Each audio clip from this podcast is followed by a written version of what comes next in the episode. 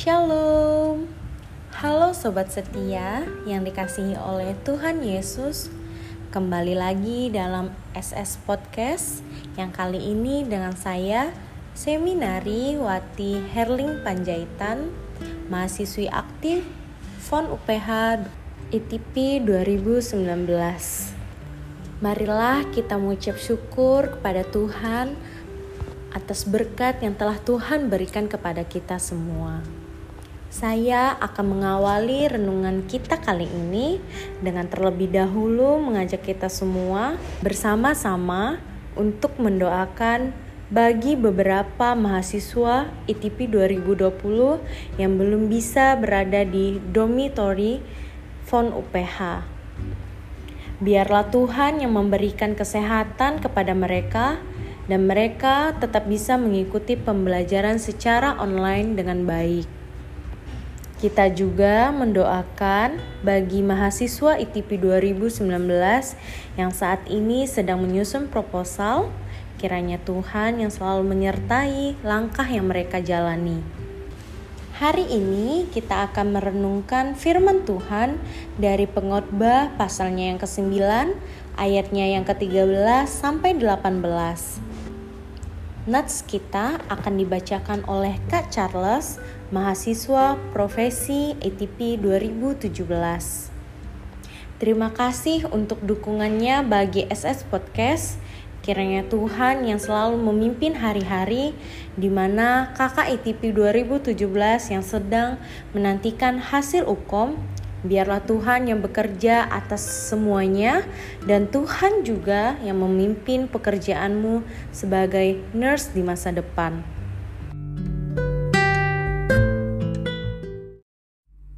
Pengkhotbah 9 ayat 13 sampai dengan yang ke-18. Hikmat lebih baik daripada kuasa.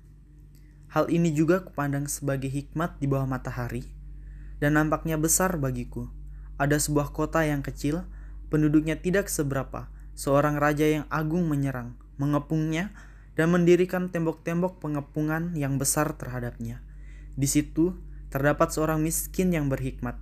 Dengan hikmatnya, ia menyelamatkan kota itu. Tetapi tidak ada orang yang mengingat orang yang miskin itu.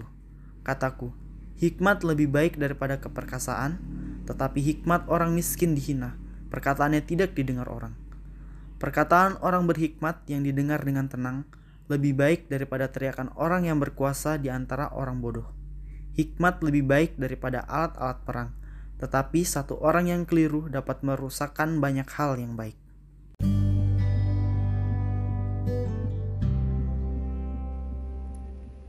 Sekali lagi terima kasih kepada Charles dan juga seminari yang telah membuka SS Podcast ini. Sobat setia, tema kita hari ini adalah Is Life a Battle? Apakah hidup sebuah pertandingan?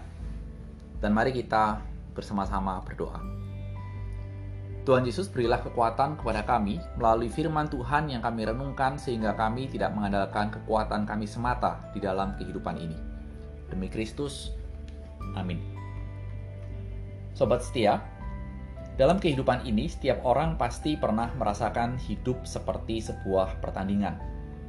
Harus menggunakan strategi, kemampuan, kekuatan yang kita miliki, kadang harus cepat, supaya tidak kalah dalam pertandingan di hidup ini. Kita pernah merasa begitu tidak?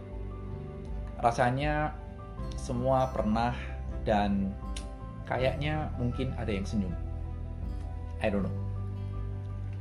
Namun apakah hasil dari pertandingan itu? Rasanya kalau hidup seperti sebuah pertandingan, rasanya kok capek. Lelah, kelelahan, kecapean, dan akhirnya silahkan teruskan sendiri. Bla bla bla bla bla. Dan itu yang dijelaskan dalam ayat 11. Bahwa mau dengan kekuatan dan strategi dan apa pun itu, kira-kira nasib semua orang sama dan ini yang berkali-kali pengkhotbah sampaikan. Lalu di ayat 13 sampai dengan 18, pengkhotbah memberikan suatu gambaran atau penjelasan yang memberikan satu jalan keluar bagi sikon kehidupan kita yang ibaratnya sebuah pertandingan. Supaya apa?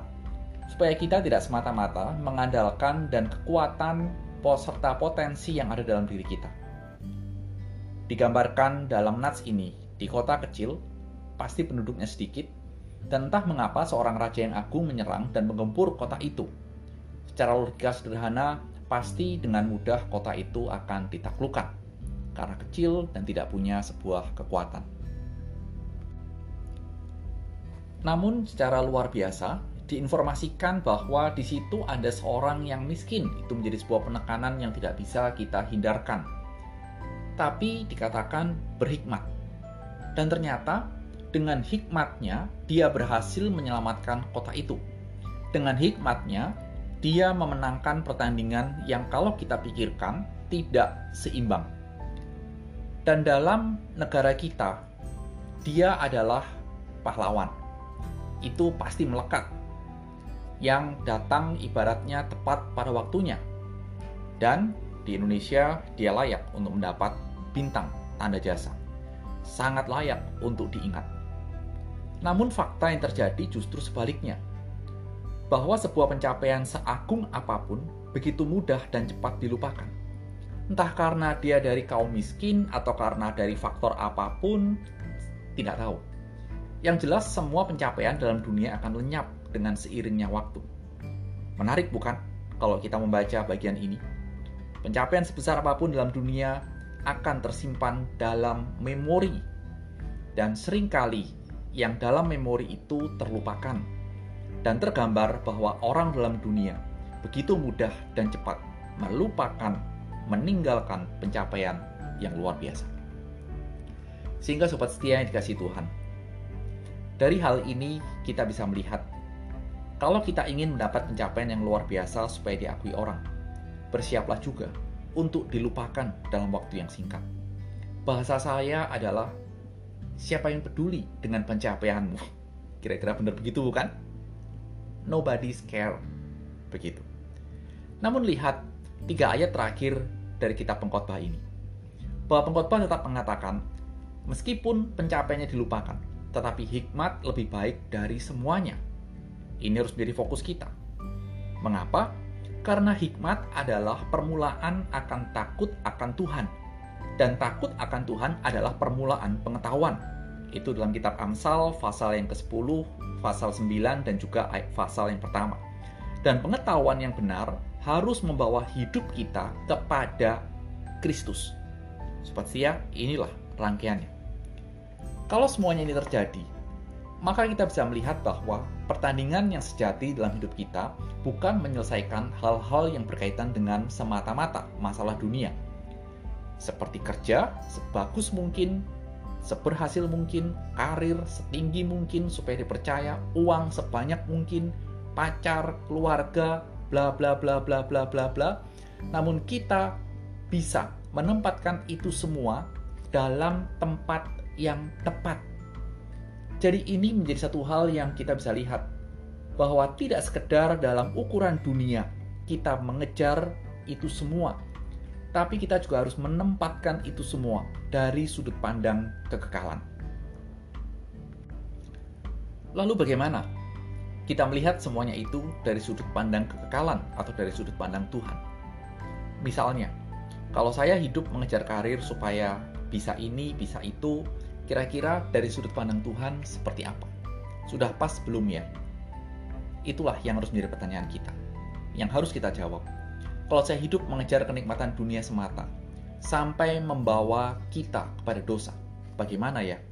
Mungkin pertanyaan-pertanyaan itulah yang harus kita jawab untuk kita bisa menempatkan semuanya itu dari sudut pandang Tuhan. Dan inilah satu contoh yang bisa kita lihat. Dalam mengikut Tuhan, kehidupan Paulus jauh lebih menderita dibandingkan dengan kehidupan sebelum dia menjadi Paulus ketika namanya adalah Saulus.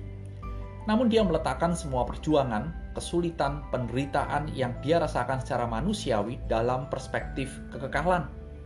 Dia tahu bahwa hidup baginya adalah Kristus yang telah menebus hidupnya dari kebinasaan. Dan karena perspektifnya tepat dalam melihat perjalanan hidup ini, maka tidak ada yang lebih penting dalam hidup ini selain menyelesaikan pertandingan dengan baik, dengan mencapai garis akhir dan dengan memelihara iman kepada Kristus. Itu muncul dalam tulisan Rasul Paulus. Sehingga sobat setia, bagaimana dengan kita? Kita sedang hidup dan kalau ibaratnya hidup sebuah pertandingan, pertandingan apa yang sedang engkau jalani dan untuk meraih apa?